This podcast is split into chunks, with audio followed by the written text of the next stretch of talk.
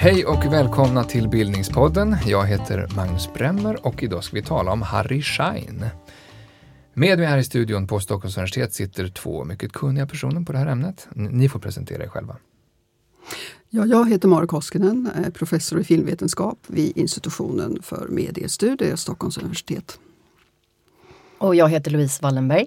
Jag är doktor i filmvetenskap och docent i modevetenskap vid samma institution här på Stockholms universitet. Och eh, jag är precis i slutet av ett arbete tillsammans med Marit. En bok som vi ger ut tillsammans, en antologi som handlar just om Harry Schein. Varmt välkomna till Bildningspodden. Tack! Tackar! Louise, ska du börja då att på en, sådär en halv minut förklara, vem var Harry Schein? Ja, eh, Harry var en av det svenska sena 1900-talets mest intressanta, eh, mest lysande, vassa och glamorösa publika personer. En person som gjorde avtryck inom väldigt många olika fält och områden. Eh, en mångfacetterad person med kopplingar både till den politiska makten och till eh, den ekonomiska eliten och till den kulturella sfären. Eh, en person som uträttade väldigt mycket samtidigt som han också skrev intellektuella texter. Han var filmrecensent bland annat. Eh, han skrev självgranskande bibliografier. Eh, han var också en överlevare på många vis. En streber en överlevare och en mångbegåvning. Mellan vilka år levde han? 1924 och 2006. Sex. En person verksam på många fält uppenbarligen. Vilka var hans viktigaste bedrifter så här i efterhand? Ja, det, eh, det beror väl på vem man frågar egentligen. Eh, och det säger väl en del om hans eh, rika personlighet och hans bedrifter. Alltså det man ofta förknippar med Shine det är väl filmreformen, den så kallade, som var hans baby och som implementerades eller uppfanns 1963 och som finns rent konkret i form av Filminstitutet och dess verksamhet idag. Filminstitutet skapades som en Just produkt det, av den reformen? var en produkt av den mm. reformen. Som vi ska komma in på kanske? Som vi kan mm. komma in på sen. Vad, det, vad innebär filmreformen? Nu mm. finns den inte längre men alltså den var i liv vid liv eh, i 50 år fram till 1 januari faktiskt i år, 2017. Mm. Då Eh, den kastades ut. Mm. och någonting annat kom mm. till. Och, och, det som kom till är väl för tidigt att utvärdera nu, men det var den helt mm. statliga filmpolitiken. Men det är filmen som han är Det är det ena, för, ja. Och sen, sen, sen kan man tänka sig att det finns vissa kemister av en viss generation som kan tänkas eh, säga att ja men hallå, Harry Schein var den som faktiskt hittade på den kemiska reningsmetoden för vatten som blev standard i hela Sverige. och som han själv då blev uh, miljonär på. Han mm. blev alltså ekonomiskt oberoende och fick det utrymme och, och, han hade energi att göra mycket också inom det utrymmet. Vattenrening på uh, pooler och annat, och... sådana saker tror jag det Ja, visst. Mm. Och sen frågar du mediehistoriker så har de också uh, mycket att säga. Mer sådana som verkligen kan mediehistorien, presshistoria och, och, så vidare. Va? Att han var väldigt förutseende. Han skrev några mm. böcker som uh, faktiskt förutsåg den medielandskap vi har nu. Mm. Och frågar ett antal kvinnor så har de sin historia. Och det har vi gjort i boken till exempel. Mm. Mm. Marit, du har kallat Harry Schein och, och liksom kretsen kring honom, eh, det är väl också i den här nya boken för, för Mad Men Swedish Style. Att Mad Men kanske är en referens som många, en del lyssnare har. Vad, vad, menar du, vad menar du med den liknelsen? Ja, var ska jag nu börja så att det inte låter hur fånigt som helst. Uh, så här, jag tänkte mig, de flesta människor, ja, tror jag i Sverige, av min generation, alltså pensionsfähiga snart, eh, känner till det här med Almedalsveckan hur det började och allt det där i 60-talet på lastbilsflaket och så vidare. Va? Mm. Och att det var en politisk politikerveckan och allt det där och, och, och, att det därefter har vuxit och vuxit och vuxit. Men redan då, alltså på början av 60-talet, så var det ju eh, lilla Fårö och Gotland där blev ett slags eh, slutet rum för en elit som samlades. Kan man kanske jämföra lite med Eh, då säger jag Martha's Vineyard och Cape Cod och allt det där för Mm. Kennedyserna och, och, och alla de som eh, fortfarande frekventerade det stället. Alltså Okej, makt koncentrerad ja, till makt koncentrerad till en en avgränsad geografisk yta kan man säga. Då kommer jag att tänka på att jag satt och tittade på Mad Men med så många andra människor. Mm. Eh, Tv-serien alltså. Don Draper och hans anhang där på Manhattan, ja men de verkade också på en liten geografisk yta där det fanns en slags kritisk massa av begåvning och inte minst ett nytt ska vi säga, mediefält. En ny industri som växte fram, i det här fallet PR, slutet 50-talet, början 60-talet. där. Eh, advertisements, stor grej då. Eh, Ja, det är samma tid också. Verkligen. det är till och med samma tid alltså. Så att det fanns ett ekonomiskt ehm, och också naturligtvis kulturellt kapital där. Och så kommer jag att tänka på när jag började läsa om Shine och sånt där. Jag menar, herregud, jag undrar om inte Stockholm på sin Mm. tid var också vid sidan av Fårö och allt det där. Ehm, Just det, Stockholm och sånt- sommarsatelliten Gotland. där, exakt, så att det fanns en satellit där. Och det, och det, var, kan man ju också tänka sig att eh, många utländska besökare som kom och tyckte att det, det var en provinsiell liten huvudstad egentligen. Där, och den tiden var det ju så att makten var makten i form av eh, politik, kultur eh, och annat var samlat där. Framförallt så var det också, om man nu jämför, om man gör, drar den här jämförelsen, okej det var PR och advertisements och så som växte fram, eh, privat eh, kapital och så vidare på Manhattan, så hade du nästan en slags eh, statlig motsvarighet i eh, filmmediet. Alltså filmen eh, för de här eh, nya Mad Men som man kan kalla Palmes pojkar. Ju. Det slags motsvarighet, det är inte jag som hittar på utan det är ju begrepp Palmes pojkar. De nya pol- politiska broilers som växte fram då i socialdemokratin. De hade också sitt eget nya medium, ett slags jungfruligt fält, filmen. Och där kan man se en slags parallell. Så det är en sån här galen jämförelse naturligtvis någonstans med fiktionen men ändå som har vissa intressanta Ja, Flera beröringspunkter. kopplingar. En, en väldigt manlig eh, krets också. Japp. Eh, på det här lastbilsflaket som du nämnde, det var ju just Olof Palme som stod i Almedalen. Och han är ju känd för att ha varit, eh, det, det, det hör man ofta, att Olof Palme och Harry Schein var goda vänner och spelade tennis och sådär. Vilka andra ingick i den här kretsen kring, kring Schein? Går det att säga något om det? Ja, Christer Wickman tror jag var jätte, jätteviktig. och Ingmar Bergman såklart som eh, många Vem var Christer har Wickman? Eh, socialdemokrat Mm. och egentligen i samma generation som det här nya unga gardet, Mm. eller hur? Mm. Och han blev ju också utrikesminister Ja. och han satt i Riksbanken. Och Mm. Jag menar, var en sån här verkligen Mm, mm, eh, mm. Olof Palmes pojke. Ja. Och senare efter 60-talet, eh, när Schein har blivit lite äldre, då är det andra socialdemokratiska politiker som också kommer att eh, utgöra en väldigt viktig massa. En grupp runt Schein, eller en grupp till vilken Schein hörde. Och det är Ingvar Carlsson såklart, men det är också Kjell-Olof Feldt. Mm. Jag kan också nämna Birgitta von Otter eftersom hon tillsammans med sin man var väldigt god vän också med, Schein. Så att hon sticker ut lite grann.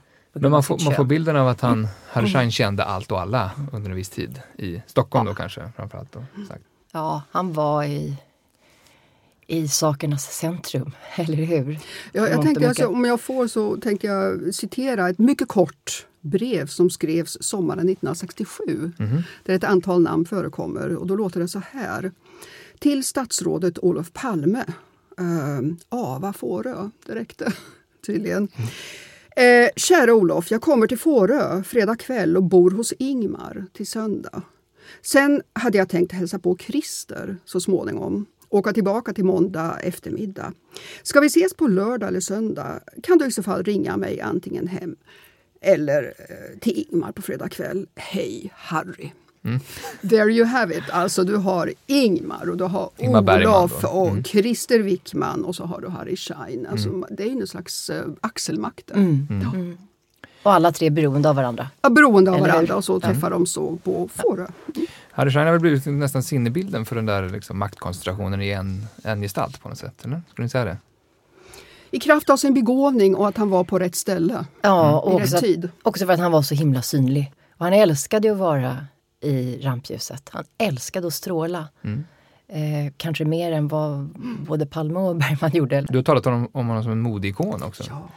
Ja, han var ju väldigt medveten om hur han såg ut och vad han hade på sig. Mm. Och det ser man ju på varenda bild som är tagen av honom. Han, han är så han är så savvy när det kommer till att presentera sig själv, Mm. alltså konstruera sig själv. Och du har ju skrivit en väldigt bra sak om det i den här Citizen Shine-boken Ja. som kom eh, 2010. Om just att han var så annorlunda. i- Mm. i Att, våga, att, att våga vara så moderiktig och våga, vara så st- stilig i ett svenskt eh, klimat Mm. under 50, 60, 70-talen när allting skulle fortsatt vara väldigt lagom. Mm. Och i synnerhet Mm. maskulinitet som sticker ut, det var ett no-no, eller Mm. hur? Kombinerat att, eh, med villa i Danderyd och sportbil. Och eh, en filmstjärnefru som ansågs vara Ja. den vackraste av dem alla. Ingrid Thulin. Ja. Ja, Mm. ja. Så att, eh, De var ett, ett kä- kändispar verkligen. ja, verkligen. Mm. Där verkligen. Det har vi den felande lilla länken där till min Mad Men-koppling om du så önskar. Alltså deras utseenden. Det Mm. var det är icke förakta i det här sammanhanget. Alltså, Don Draper, skitsnygg, det vet vi alla. och hans kläder och hela det. Och det är ju inte av en slump som just eh, serien är känd också för sin mode. Och tittar man på hur, hur de här Olof Palme såg ut på den tiden, Harry Schein som du säger Louise, och till och med en sån som Ingmar Bergman. Alltså han hade ju mer eller mindre lanserat sig själv som en eh, ja, hobo, alltså med sin skinnjacka och sin eh, basker och allt det där. Va? Uh, fri man, inga slipsar. Vad hände när han eh, blev utnämnd till Dramatens chef 1963? Ja, då hamnade han i kvinnotidningarna och matade en liten bebis iförd slips och skjorta. Ja, så att någonstans, och det där hade ju en förebild, det var Kennedy-grejen. Va? Som för första gången hade... Och det är någonting som Henrik Berggren tar fram väldigt fint i sin Pal- Palme-biografi. Han lägger de här bilderna bredvid varann. Alltså det vill säga att man ser den unga Kennedy-familjen som för första gången då släppte in media eh, och press och sålde sig själva på det sättet. Va? Och sen med Olof Palme utanför radhuset, eller lilla huset i Vällingby. Mm. Och så följer de andra efter. Det var pl- plötsligt comme il faut. Ja. Så det är den svenska Mad Men-kretsen högst upp i den svenska eliten, både politiskt och eh, mediemässigt, som vi ska eh, titta närmare på idag. Då. Men vi kanske skulle säga något om eh, eh, Harry Scheins bakgrund, alltså var han kommer ifrån. Ja, han var ju från Österrike, eh, Wien. Och var det yngsta barnet av två i en borgerlig, välbesutten familj. Och ja, han tvingas ju lämna Wien då med den sista barnbussen som går mot Sverige 1939. Mm, det var en judisk familj, ska vi säga. Precis. Ja. Av den anledningen Ja. tvingades då. Ja. Och han tvingats ju under hela sitt liv att eh, reflektera över sin barndom. Mm. Andra har tvingat honom. Men han, har- han har inte velat och han har hela tiden sagt att han minns ingenting, han har förträngt. Hur gammal mesta. var han? Han var 13 eller 14 14 när han kom. där. Ja. 14 Och då kom han som ensamkommande flyktingbarn Ja, till ja. Sverige. Och det var mammans förtjänst att han hamnade på bussen och mamman såg även till då att den äldre systern också kunde komma ur Österrike. Hon hamnade ju sedermera i, i USA och mamman omkommer under kriget i koncentrationsläger. Så att eh, han är helt ensam som 14-åring när han kommer och tvingas då lära sig att känna en ny kultur, ett nytt språk. Var hamnar han? Han hamnar i Småland först. på en, en eh, lantbruksskola tror jag, som dräng. Och efter två år så lyckas han, lyckas han ta sig till Stockholm och då har han faktiskt lärt sig svenska. Men då är det alltså från eh, överklasstillvaron ändå, Ja. Wien, till, Ja. till eh, att bli Till Småland. Ja precis. Och bonddräng. Ja. Men han tar sig till Stockholm. Vet vi något om hur han trivdes som dräng förresten? Det I den här filmen, Ja. eh, fina filmen som Jannik Åhlen och Maud Nykander, Citizen Shine, som de har lånat efter den tidigare boktiteln. Eh, där förekommer det ju intervjuer med några som fortfarande minns. Och han gjorde sig tydligen omöjlig. Jag menar, vem har sagt att en citat invandrare eh, av judisk börd skulle på något sätt eh, vara tacksam? Nej, nej, han körde med folk där. Han skulle bli uppassad och helst ha vita dukar. Han var överklasskille Mm, mm. som ja, väntade sig en del. Och fick han ingenting så såg han till att fixa det på egen hand. Ja. Hur hamnade han sen i Stockholm? Då? Ja, Hur han hamnar, det, jag vet inte riktigt hur han tar sig dit. Men han tar sig till Stockholm och börjar jobba på ett apotek. Och på kvällarna så pluggar han till kemiingenjör. Och efter två år så får han ut sin examen. Och kan börja då jobba som kemiingenjör på samma bolag som han sedermera kommer att ta över Ja. och sen sälja. Mm. Dyrt, Mycket eller hur? dyrt. Så det är där han också får liksom sin ekonomiska status väldigt mycket. Mm. Och det var det här Otroligt- vattenreningsföretaget. Ja, tog- otroligt företagsam. Mm. Otroligt driven. Hur, hur lång tid tar det för honom att börja på det här företaget, utveckla det här patentet eh, och sälja företaget sen? Nej, men det här går ju väldigt fort. Mm. Eh, Så att han börjar jobba där efter att han har fått sin, fått sin examen och sen övertar han eh, företaget när de hamnar i finansiell kris och kort därpå efter att han har lyft upp det igen Mm. säljer han det för väldigt eh, för en dyr summa. Mm. Och det här gör honom då till miljonär innan han har fyllt 35. 35 var det snarare än 30 Mm. som jag sa förut. Så helt ekonomiskt Ja. oberoende. Mm. Vad, vad, liksom, lämnar han den där branschen helt och hållet då, eller vad, vad händer sen? Sen så började han väl skriva ganska tidigt tror jag där. Var lite sån här kulturskribent, skrev filmkritik. Men den, det stora genombrottet där, vill ha genombrott men i alla fall att han gjorde sig känd som skribent, det var när han mm, 1945 skickades till USA på en affärsresa. Alltså fortfarande Ja, som fortfarande 45 vattenrenare? där. Ja, just det. Men Ja, då, då hade han redan börjat någon slags... Han var alltid som eh, någon har sagt, han var som sagt rätt man vid rätt plats. Så han såg till att eller som David Lagerkrans tror jag det var, säger i den här filmen så väldigt bra. Han säger någonting apropå eh, faderns vänskap med eh, Shine. Att eh, han använde personliga relationer Alltså som en språngbräda. Eh, Han såg fader, hela tiden, ja, just Olof Lagercrantz son David som nu är känd Mm, för sina mm. millennieböcker. Och också annat förstås. Ehm, helt enkelt sa att vi älskade honom, den här jäkla karriäristen säger han Mm. någonstans. Va? Eh, men vi såg det, vi förstod redan då som barn att han, han var alltid på eh, rätt plats. Va? Och använde, använde sina personliga relationer eh, som språngbräda. Mm. Och- Både som företagare och som skribent? Både för företagare och, och Shine var ju inte blind för det där. Det, kommer, det kan Louise berätta mer om sen för han har skrivit ett antal biogra- självbiografier. Han sa någonstans att eh, han det finns ingen som kan slå honom i att tycka illa om sig, mer illa om sig själv än han själv gör. Och att han kände till en del om begreppet prostitution. Ja, men om man ska ta det till sin spets. Men vad jag försökte att säga här Han, var han helt sålde, enkelt sålde sig själv också? När han sålde sig själv någonstans och han förstod, han var klarsynt nog att inse att det är det han höll på med. Va? Mm. Men alltså, när han var på den affärsresan så, så ehm, blev han ju så att säga journalist. Han, han tog ju så att säga tillfället i flykten. Mm. Jag menar, han var där på affärsresa men eh, insåg att han var i USA. Han kunde träffa sin syster för första gången, var efter kriget då. Va? Och sen tog han sig till Hollywood. Och då blev han plötsligt kulturskribent. och gjorde en massa intervjuer och Mm. eh, saker som- saltade sina räkningar och allting. Ja. Som känns som, eh, skulle kunna vara långa steg, men som känns som korta steg från honom. Jag är i Hollywood, jag intervjuar en, en filmstjärna och skriver hem. Och eh, Ja. Det ger eko i Sverige. Och, Ja, och det gav ju eko då för det var ju en populär genre efter Mm. kriget det där Mm. med att skriva resereportage. Det var ju många som faktiskt skrev långa ingående reportage som inte skulle göra sig i dagens värld naturligtvis men som var liksom fräscha Mm. då. Så det är ingången till, han, till att bli filmkritiker kan man säga? Att han Ja, han började- befäste väl sin ställning eh, verkligen okej. och blev Mm. mer, kanske mer eh, kulturskribent Mm. eh, En rese. än, än filmkritiker. Mm. Va? Ja. Eh, och sen fortsatte han med det förvisso på 50-talet och skrev väldigt initierade eh, Recensioner. eh, recensioner. Ja, hur var han som filmkritiker? Ja, jag har inte allting eh, Han var aktuellt duktig. för mig men han var bra. Han var jätteduktig, Mm. vass och intellektuell. Mm. Och en av eh, få misstänker jag som vågade kritisera den unge Bergman. Mhm. Ja, just det, det är deras första, innan de har träffats så, så, så är kopplingen gjord genom hans eh, Ja. ganska eh, hårda, hårda kritik. Hård, av- hård kritik, ja. Mm. Pekoral. Mm. Det är också hans känsla för språket. Bara det att han lyckas lära sig behärska svenska under väldigt kort tid och sen lyckas också behärska det skrivna svenska språket. Mm. Och höja det till en väldigt, väldigt hög nivå. Det, det, jag tycker det är, det är otroligt imponerande. Och han kämpade hela tiden med att perfektionera sin svenska. Men den här lilla, lilla accenten försvann ju aldrig. Och jag tycker den var urelegant och verkligen klädsam. Men, men eh, det betonade också hela tiden hans annorlundahet. Mm. Jo, det där hängde samman. Alltså, jag, menar, jag tänkte bara fylla på med vad Louise säger här. Att språket, ja, han hade eh, väldigt känsla för språket.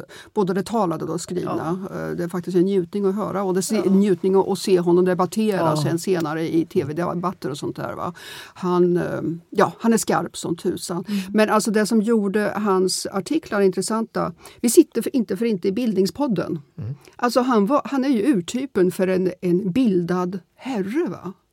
Verkligen som kan ge sammanhang, kontext, eh, perspektiv, blick bakåt, blick framåt. Det där han gjorde hela sitt liv och han gjorde jävligt bra. Alltså. Mm. Menar, så grejen är att han var ju ingen liksom, eh, akademisk nörd, det var det sista han var. Snarare tvärtom. Men han var ett eh, synnerligen rikt utrustad individ som samtidigt, det är det som är det märkliga när man ser till exempel den här filmen om honom, är oerhört representativ för sin tid, för någonting mm. större. Skulle ni säga att han, att han oftare idag framställs som mediemogulen snarare än kanske public intellectual som ni nästan är lite mer inne på här?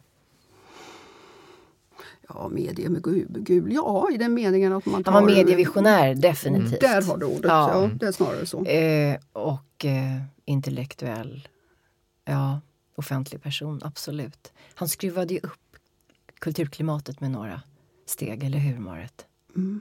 Men hur, liksom, hur kom man i kontakt med Olof Palme? Jag har minne av att det var nå, vid någon debatt allra Exakt, första gången. Var ja, det så? Ja, de ja. träffades vid en debatt ja. och fattade tycke. Mm. Mm. Och båda var engagerade i arbetarrörelsen på något ja, sätt? Då. Ja, mm. visst, visst. Och jag tror att Schein hade med sig eh, socialdemokratiska värderingar hemifrån faktiskt. Mm. Men det är det som är så uppfriskande med honom också i ett retrospektivt perspektiv. Alltså här har du en Eh, kolossen i vardande, eller snarare redan i varande, eh, det socialdemokratiska partiet va? som någonstans tvingades acceptera eh, att få in den här annorlunda off-personen som blev viktig. Han blev tydligen väldigt viktig som bollplank både för Palme och för inte minst Ingvar Carlsson som han var väldigt nära vän med. Eh, men som Carlsson också säger tror jag i sina memoarer. Alltså här har vi en eh, kille som verkligen är en bra, boll, bra bollplank för eh, ideologiskt sätt eh, och så. Va?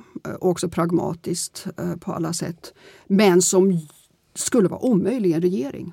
Mm. Och han försökte, ju också, han försökte ju också bli kulturminister. Alltså, mm. jag menar, eh, jag tror Olof Palme sa något vid något tillfälle när han blev rakt tillfrågad. Uh, ja men ni känner varandra och sånt där och det är klart att uh, Schein skulle gärna säkert ha velat bli en del av regeringen eller ett statsråd av något slag. Uh, men då säger Palme smart som han var så att jag har aldrig erbjudit honom jobb. Men då ligger det där och det är dokumenterat i arkivet Shine-arkivet. Shine i stort sett valde väl jobb? Ja, ja, valde jobb. Han blev plockad till vissa stats... Vad heter det? Inte statsråd, utan det heter uh, rådgörande i uh, kultur och utbildningsdepartementet mm. på sin tid. Men han kunde inte ges så att säga någon styrande roll för då skulle han ha tagit över, så man tog över Filminstitutet. Alltså, mm. Som han drev Filminstitutet, det kanske vi kan komma in på, låter sig inte göras idag. Mm. Nej, mm. men kan man säga att han det måste väl varit provocerande även i den här tidens socialdemokrati hans, vad ska man säga, luxuösa livsstil också. Mm. Mm. Ja, Olof Palme var ju också de delar ju överklassbakgrunden ja, eh, och ja. socialdemokratiska. Han mötte ju också på mycket mm. motstånd på grund av sin, sin klasstillhörighet. Det kanske var därför de spelade tennis? Jag tror att de, de hade många eh, kopplingar till varandra. Mm. Eh, socialt, Eh, intellektuellt. intellektuellt. Men medan, medan Palme ändå någonstans försökte, vad jag förstår, i någon slags ideologisk rätlinjighet tona ner sin överklassbakgrund. Ja. Ja. Eh, så var det ju någonting som Harry Schein verkligen inte stack under stol med. Han var ju på framsidor här och där och gick på premiärer och, och gick gärna med sin vackra hustru vid sin arm och allt sånt där. Mm. Alltså han måste ha förstått att det där gick ju emot ja. Uh, arbetarrörelsens mm. värderingar någonstans. Mm. mm. Han går ju från att vara filmkritiker till att till slut bli svensk films mäktigaste man. Eh, hur ser den resan ut? Ja, ska man börja där man ofta brukar säga att eh, televisionen kom. Produktionsmedlen sinade. För filmen? För filmen alltså, för att film överhuvudtaget skulle vara intressant. Någonting behövdes göras och så skrev han ju sin berömda skrift eh, där han helt enkelt föreslog en modell som sen blev uh, verklighet. Han publicerade den här modellen först? Alltså. Ja, han skrev om den mm. och det snappades upp. Det förekommer väl i den där skriften. Alltså, men idén är, och idén var, att någonting ganska unikt, eller inte ganska, det var unikt. Uh, ett slags avtal mellan privatkapital, filmbranschen å ena sidan och staten å den mm. andra. Där 10% av varje, varje biljett, biobiljett som såldes skulle gå tillbaka, eh, inte i producenternas fickor, utan till ny film, svensk filmproduktion. Mm. Det är alltså en sån här briljant enkel lösning. Mm. Um, och det resulterade också i faktiskt att, om man tittar statistiskt, att antalet nykomlingar ska vi säga, debutanter på film, eh, filmens område, spelfilmens område, eh, gick sky high. Sen planade den ut under resten av 60-talet. Men vilka var det som debuterade där? Ja, det är ett antal begåvningar. Maj Zetterling, mm. Harry Schein var viktig i det sammanhanget. Jan Troell Mm. som uh, ju Här har du ditt liv, en svensk, mm. svensklärare och filosofilärare som gjorde det som fortfarande ibland kallas den bästa debutfilmen i svensk film. Mm. Och så vidare. Var det en, eh, liksom i första hand en kvalitetsreform? Det låter som att det, det är någon slags gungar och karusellmodell på pengar här. Va? 10 av biljetterna gick till institutet men det blir också någon slags eh, skattelättnad va? Ja, och skatterna hade väl tagits bort tidigare. För, förut var det någonting på 50-talet var det någonting som hette nöjesskatten. Mm. Och den uh, reagerar man starkt på därför att det uh, underminerade hela systemet. Om, ja, om den togs bort mm. så, så kunde man då mm, så att säga, göra utrymme för ja. 10 till ja. ett filminstitut? Och så framförallt det som är det viktiga, att, att uh, du var inne på ordet där, kvalitet. Att det mm. var ju liksom nyckelordet i sammanhanget att filmen skulle då i enlighet med den nya moderniteten och det som Socialdemokraterna stod bakom också ses som en kulturyttring. Mm. Likvärdig alla andra. Film som kultur och inte film som nöje. Mm. Och där kanske Louise har någonting att säga om just det här kvalitetsbegreppet. Ja, som är... han hävdar att, att film är kultur. Och att film ska efterfölja vissa kvalitetskrav för att den ska kallas då för, för film. Mm. jag, har, jag har ett längre citat här ja, okay, och jag tycker det här är, det här är briljant. Avgörande för kvalitetsbedömningen kan således bli en rad av varandra oberoende faktorer såsom förnyelse av uttrycksmedel och formspråk, angelägenhetsgraden i filmens ärende, intensiteten eller fräschören i dess verklighetsuppfattning eller samhällskritik, graden av psykologisk insikt och andlig nivå, lekfull fantasi eller visionär styrka, episka, dramatiska, lyriska värden, den tekniska skickligheten i manus, regi, spel samt övriga artistiska komponenter hos mm. film. ja, den, den är fin. Det här är Shines egna ord. Ja, mm. ja, ja. men det är hans kemiska formel. Ja. Det, men han, han var liksom vetenskapsmannen ja, som skulle fånga in allt. Hur säkerställs det här, eh, den här, hur skulle den här kvaliteten säkerställas? Den skulle säkerställas framförallt via Bergman. Ingmar Bergman, Ingmar Bergman skulle inte ha blivit... Ingmar Bergman behövde Shine för att bli en Bergman. Mm. Så kan man säga. Och han var inblandad i hela den här filmreformen? Han var nog så att säga urmodellen. Ja. Jag tror liksom att de hittade man ganska snabbt. Uh, Bergman insåg att han hade en, ska vi säga, en infrastrukturell motorväg mm. i personen Shine som liksom fixade det här med filmreformen. Och det byggde väldigt mycket på Eh, att kvaliteten skulle just se ut som en Bergmanfilm. Mm. Utifrån det som Louise nu säger. Va? Och för övrigt när vi ändå är inne på det där, Tystnaden hade han nog inte gjort 63 som eh, verkligen utmanar censursystemet och så. Ja. Eh, utan att veta att han hade, hade Harry Schein bakom ryggen. Mm. För det, filmreformen påverkar censuren också på något sätt? Ja, det vet jag tusan om det, det gjorde. påverkar vet jag inte men... Uh... Men den kom på bordet, den kom på agendan ja. Eh, i allra högsta grad på den tiden. Mm. Just därför att eh, Eh, tycker man då med ena handen att film är kvalitet och det är en kulturyttring lika med andra, då ska det inte finnas någon censur, censur. heller. Va? Mm, mm. Och eh, där var ju faktiskt Shine uh, instrumentell. Alltså han var nyckel till att få in den skrivningen till det regelverk som reglerade dåvarande eh, filmbyrån, som det hette, som avgjorde censurfrågor. Mm. Bara tre dagar innan eh, tystnaden skulle upp i censursammanhang så lyckades Shine få in den skrivningen. Som lät att eh, någonting i stil med att den film som eh, kan bedömas ha eh, kvalitetsmässiga komponenter och göra sitt visst syfte ska inte nödvändigtvis eh, censureras på grund av och sånt där. Va? Mm. Att man skulle liksom bedöma den på ett mildare sätt. Men eh, hur påverkade det här svensk film under, under 60-talet sen? Ni var inne på flera namn som kom fram så att säga, i, i kölvattnet efter detta på något sätt. Men påverkade det hur svensk film såg ut under resten av 60-talet? Ska jag säga? Ja, 60-talet är svensk films andra guldålder. Mm. Där måste du hålla med mig Marit.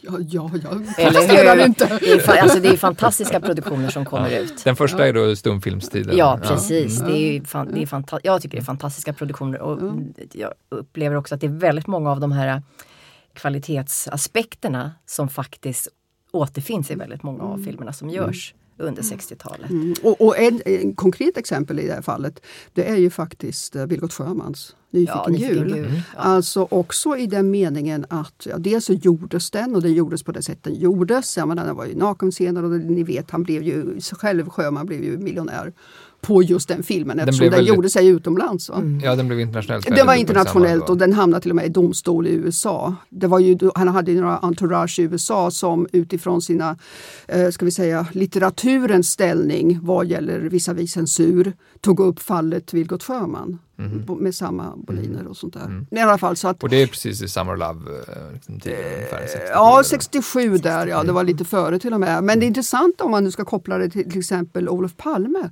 Jag menar, det som Henrik Bergman säger i sin Palme, eh, förlåt mig, Henrik Berggren, historikern, säger, säger i sin Palmebiografi att eh, Palme visste väl hur väl som helst att ställer han upp på en intervju, vilket han gjorde i den filmen, med familjen, hustrun i bakgrunden och barnen på gräsmattan och allt det där. Man ser också hela filmteamet. En, Så hela, ja, och det ingår i hela filmens estetik och vara liksom självreflexiv och så. Va? Men han visste ju att det skulle vara kontroversiellt och att han på något sätt tog en ställning mot censuren där. Va? Men, och att det var möjligen problematiskt för honom politiskt och, och kulturpolitiskt och så. Va? Men att det faktiskt funkade tvärtom. Han visade bara hur pass eh, i bräschen han var för de här moderna unga frågorna. Och Göran Palme var inte dum. Han, han visste ju, han var väldigt media savvy. Ja.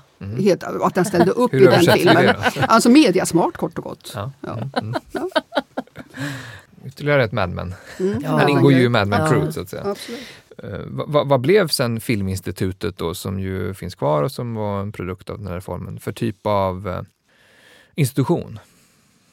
Den har väl gått igenom mellan, må, många olika ska vi säga, eh, faser i det massmediala ljuset. Jag menar, från att ha varit, gått i bräschen för någon slags kvalitet och svensk filmreform och, och svensk, filmproduktion. Eh, och Sverige som filmnation blev ju känt, ännu mer känt eh, utomlands då än vad det redan var via Bergman och så. Va?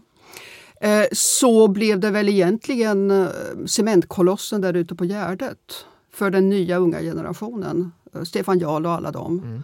Eh, och de gick ju och bildade då eh, Folkets bio och filmcentrum som en reaktion mot det där. Ja, för det, det blir efterhand en, en slags reaktion från filmvänstern talade man väl om då, alltså vänster om den socialdemokratiska medie och filmmakten här uppenbarligen, eh, som blev väldigt kritiska mot eh, institutet och kanske framförallt Harry Schein som figur. Visst, han blev ju representanten för så att säga, det etablerade. Mm. Jag menar, det blev snabbt ganska etablerat, eller hur? Medan det från början kanske var, innebar en slags förnyelse av saker och ting så, så fick Filminstitutet och dess eh, riktning eh, ganska så snabbt eh, bilden om sig som också finns nu för tiden kan man ju påpeka som en slags cementkoloss där ute på Gärdet och eh, som egentligen var till för de som redan var inne i värmen på något sätt. Och så bildades då andra motrörelser. Och där hamnar ju Shine med sin speciella sorts personlighet också snabbt i konflikt Mm. med den yngre, yngre gardet. Ja. Och det kanske du kan... Nej, jag tänker också, alltså, Filminstitutet det är ju så mycket. Det är också en ny filmskola, Mm. eller hur? Som kopplades till. Ja, visst. Och det är, han är ju som högsta chef för den här filmskolan. Inledningsvis så är det problemfritt tror jag, men sen så kommer han att vara, anses vara för dominant. Flera av de här kritikerna är också unga filmare i den här filmskolan. Precis, det är därifrån de kommer, många av dem. Mm. Kan inte nämna några ganska välkända namn även idag? Ja, Stefan Jarl är en. Roy Andersson. Roy Andersson är en annan. Stig Holmqvist som också skriver i våran bok. just det. Och några Eh, Marianne Arne kom var också Ja, tror jag i den ja, generationen. Ja, så det, det slutar, liksom, Ja. det börjar bubbla väldigt tidigt ändå Mm. och sen slutar det med något totalt uppbrott. Och Shine han, han sörjde det här jättemycket för han såg de här äh, filmeleverna som sina barn. Mm. Så att han kunde bara förstå det här som att det var ett fadersuppror faktiskt. Eller ett uppror gentemot mot honom som fader. Men vad var, vad var det som eh, gick snett här? Alltså, varför hade han så svårt, Shine, att acceptera den här nya filmvågen från vänster? Man kan ju vara lite amatörpsykolog här alltså, men, men alltså... Du Louise var inne på någonting intressant här. Du sa att det är ett slags fadersmord, om vi ska se det i le- lite mer metaforiska termer. Det vill säga att det är ju paradoxen. Här kommer alltså en, eh, en ganska radikal, det som kallas världens modernaste land eh, som Sverige kallades eh, för ganska många decennier sedan. Och försökte faktiskt reformera både kvinnors ställning, barn, filmmediet, you name it. Va? I någon slags framstegsandas namn. Och så är de jäklarna inte tacksamma.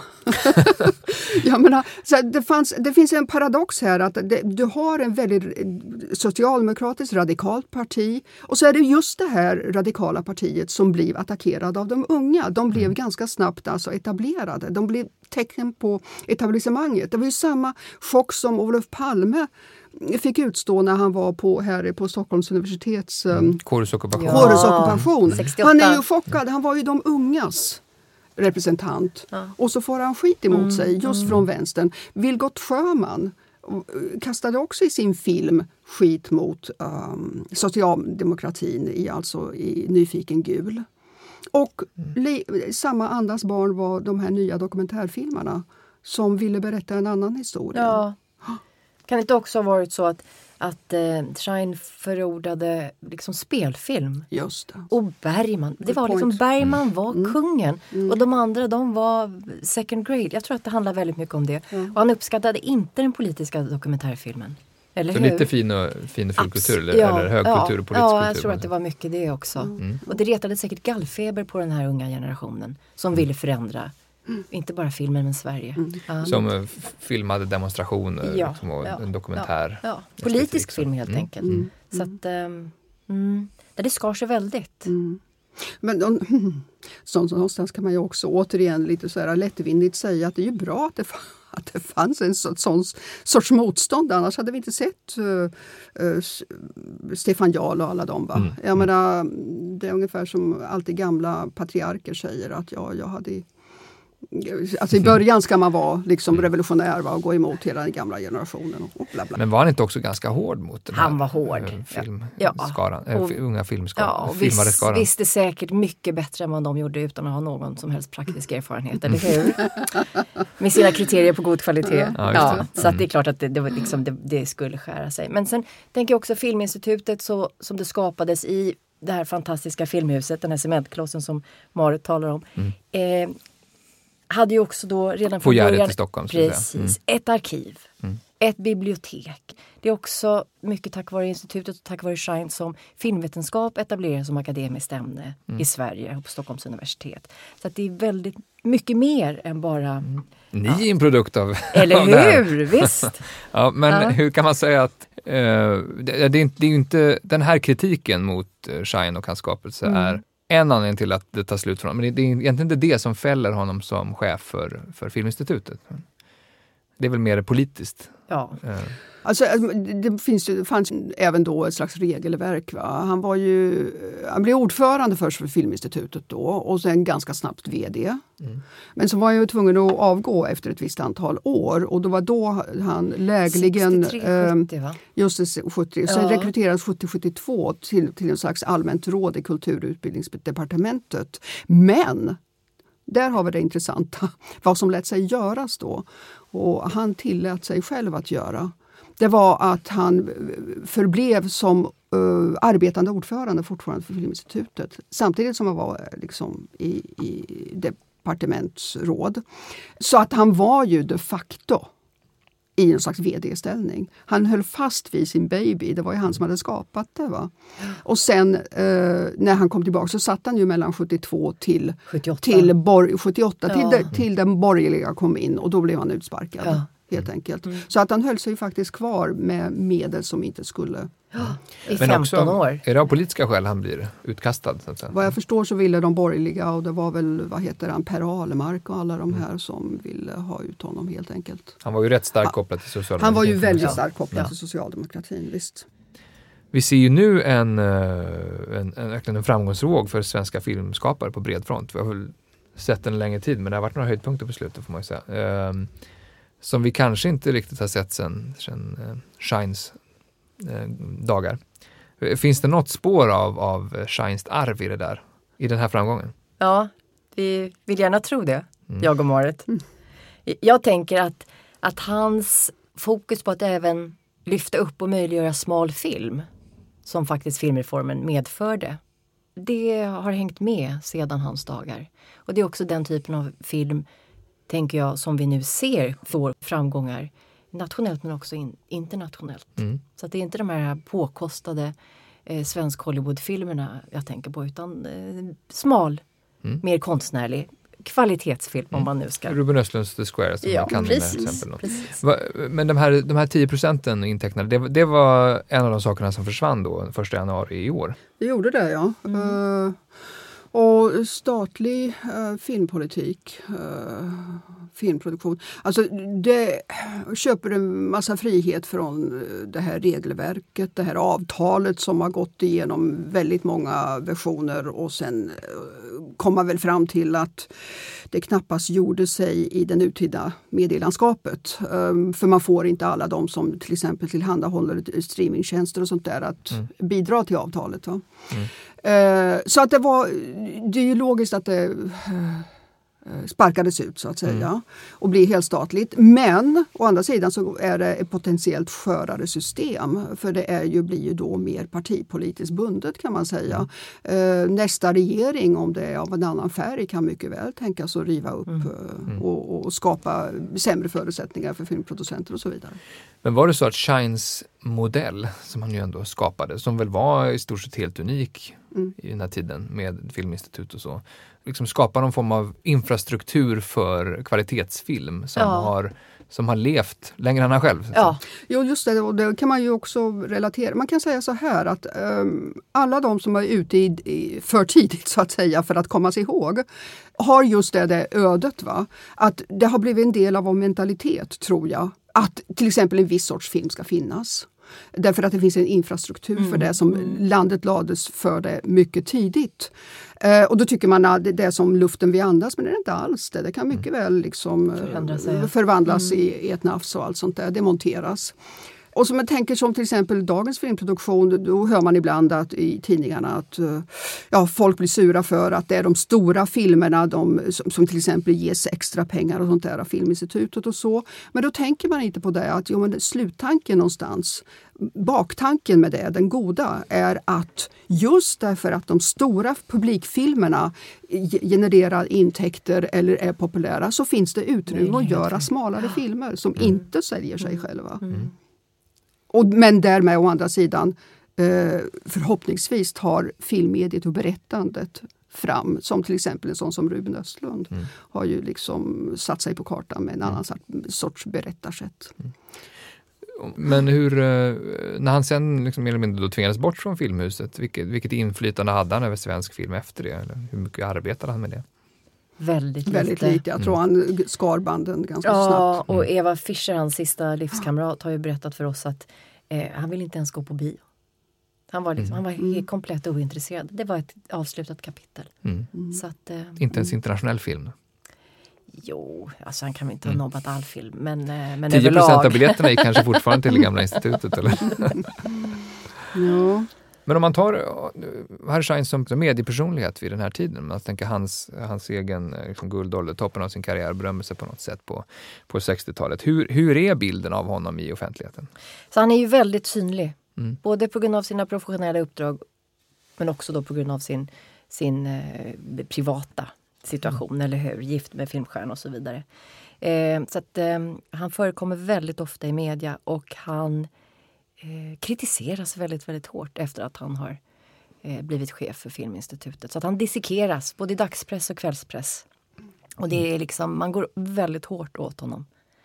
Eh, nästan med så här rasistiska undertoner ibland. Ja, mötte, mötte han liksom den antisemitism som drev honom på Ja, flykt? alltså det, den är... Den här och där. ja, Mm. absolut. Men visst, han är ett, ett farligt hot i det svenska folkhemmet. Mm. Ja, det, det, är- det är väldigt, väldigt tydligt. Mm. Och eh, det är många skribenter som, som ser honom som ett hot och som, som eh, varnar för vad han ska komma att göra med det svenska folkhemmet och med den svenska staten, med den svenska kulturen och så vidare. och så vidare.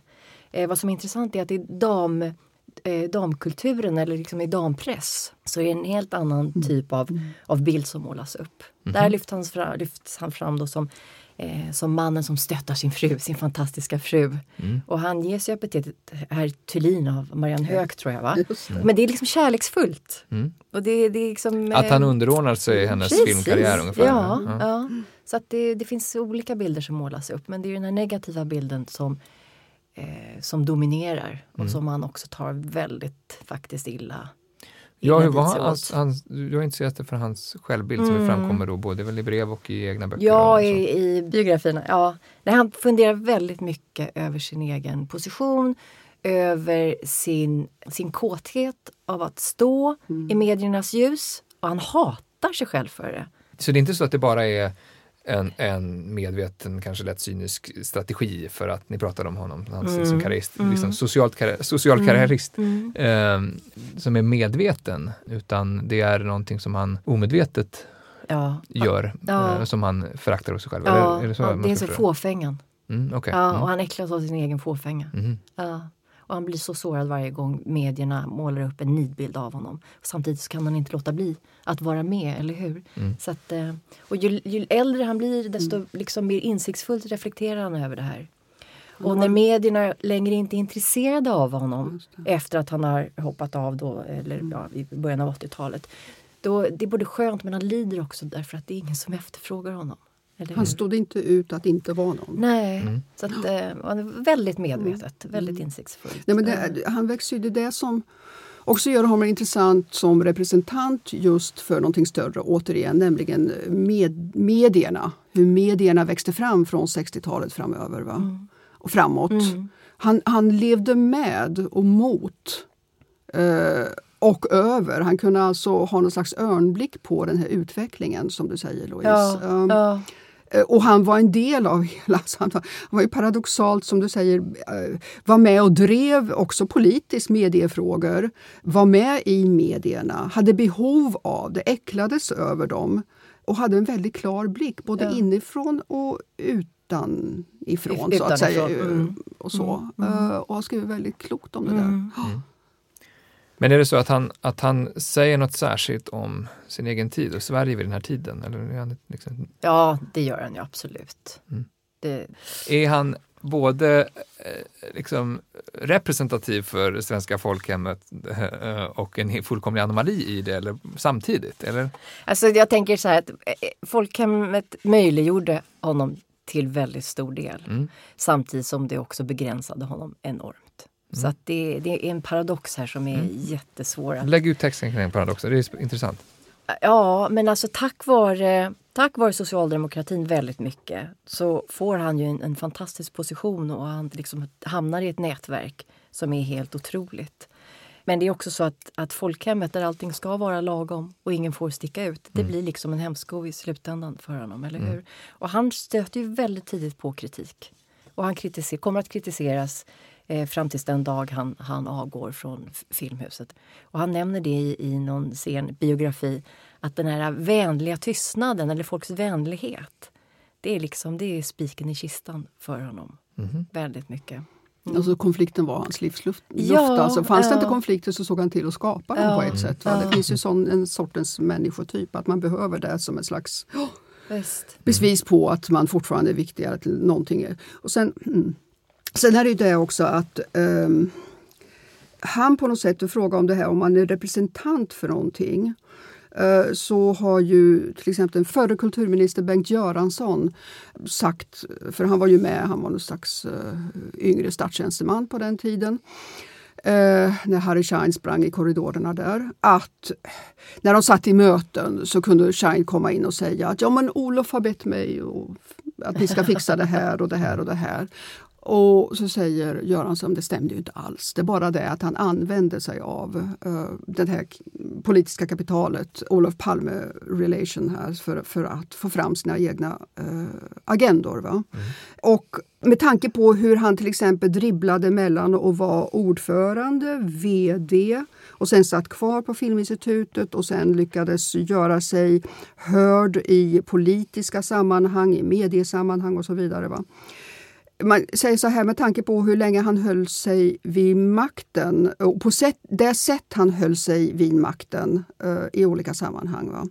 Så bygger det någonstans till syvende och sist på en föreställning om någon slags oförvitlig svensk statsman, tjänstemannakultur. Det vill säga att de som är i statens tjänst på den tiden, tror jag tanken var, är kan byta jobb och kan gå mellan departement och uppdrag och, och så vidare utan att korrumperas. Mm.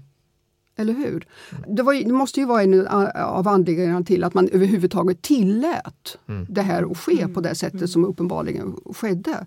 Nu skedde det i någon slags eh, i god bemärkelse vill jag påstå någonstans. Va? Jag menar, Shine var, eh, var på ont och gott och han var väldigt konstruktiv när det gäller eh, svensk film och dess varande och blivande utveckling. Inget problem där vid lag. Va? Men han, det är inte alltid säkert att de medel som han fick det här till stånd eh, kommer få på något sätt. Var i uppenbart en del vänskapskorruption Uppenbarligen där. Så, Men grejen är att, att någonstans så finns det också någon större underliggande här som pekar in i vår tid. Eh, hur ofta är det inte vi ser, av och till, där man, där låt säga eh, en politiker omedelbart går till till exempel privata näringslivet och tar med sig all den kunskap, den, eh, ka- det kapital som han eller hon har samlat på sig. Va? Och vi låter det ske. Jag tror att Peter Wolodarski som skrev någonstans i en, eh, redan för några år sedan um, i en ledare att eh, i ett internationellt perspektiv är vi fortfarande oerhört naiva i Sverige på den punkten. Och, och jag är övertygad om att det, det har en direkt länk till vad som lät sig göras på den tiden. Och vad man lät Harry Schein göra, i det här fallet som sagt eh, kanske i mest positiv bemärkelse. Men att det inte skulle låta sig göras Nej. riktigt på samma sätt idag. Va? Och på rikt, riktigt så breda boliner. Om, om, eh, om du, Louise, skulle jämföra Harry Schein eh, som så mediepersonlighet med någon idag, går det ens? Går, går, är, är en Harry Schein-personlighet eh, otänkbar i, i, i vår tid? Ja, jag tror det var så otroligt kontext Mm. och tidsbundet. Mm. Eh, och idag kan ju vem som helst bli celebritet över en natt. Eller hur? Och det är så många grader i, i den här liksom. Mm. Men, ehm, nej, nej jag, har, jag ser inte det faktiskt. Du Mm. Marit? Kan du eh, överhuvudtaget tänka på någon nu existerande som ens kommer nära? Nej, Nej. det kan jag faktiskt inte. Nej. Inte riktigt på samma sätt. Va? Men, det, men det är sammanfall av faktorer. Ja, Det är liksom the perfect storm eh, när det gäller Harry Schein som individ och som en representant för ett mycket större och som en slags massmediefigur som samtidigt hatade, som du sa. Ja. Hela den grejen. Alltså och ett det- Sverige ja, under en Sverige. förvandling som bara kan gå mot det, det positiva, eller hur? Mm. Och den förvandlingen som sker idag, den tyvärr ser annorlunda ut. Ja. Så det, det är också den här framåtandan, den här liksom modernismen, det, det är Mm. möjliggörandet, det är hungern på, en annan, på ett annat sätt. Va? Mm. Och viljan till förändring. Och, ja, ja, Så där var han, Sveriges modernaste filmmänniska också. ja. Sveriges modernaste man. Sveriges Ja. modernaste man. Mm. Kort och gott. Har vi talat om idag. Tusen tack Marit Koskinen, Louise Wallenberg för att ni ville vara med. Tack. Tack också ni som har lyssnat. Vi är tillbaka om en vecka med eh, ett nytt avsnitt och ni kan ju som vanligt gå in på bildningspodden.se eller eh, ställen där poddar finns och lyssna på våra tidigare avsnitt. Eh, vi hörs. Tack och hej.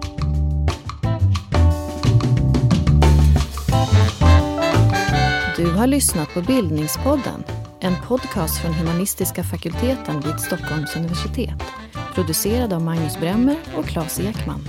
Podden spelas in på Språkstudion och tekniker är Kristin Eriksdotter Nordgren.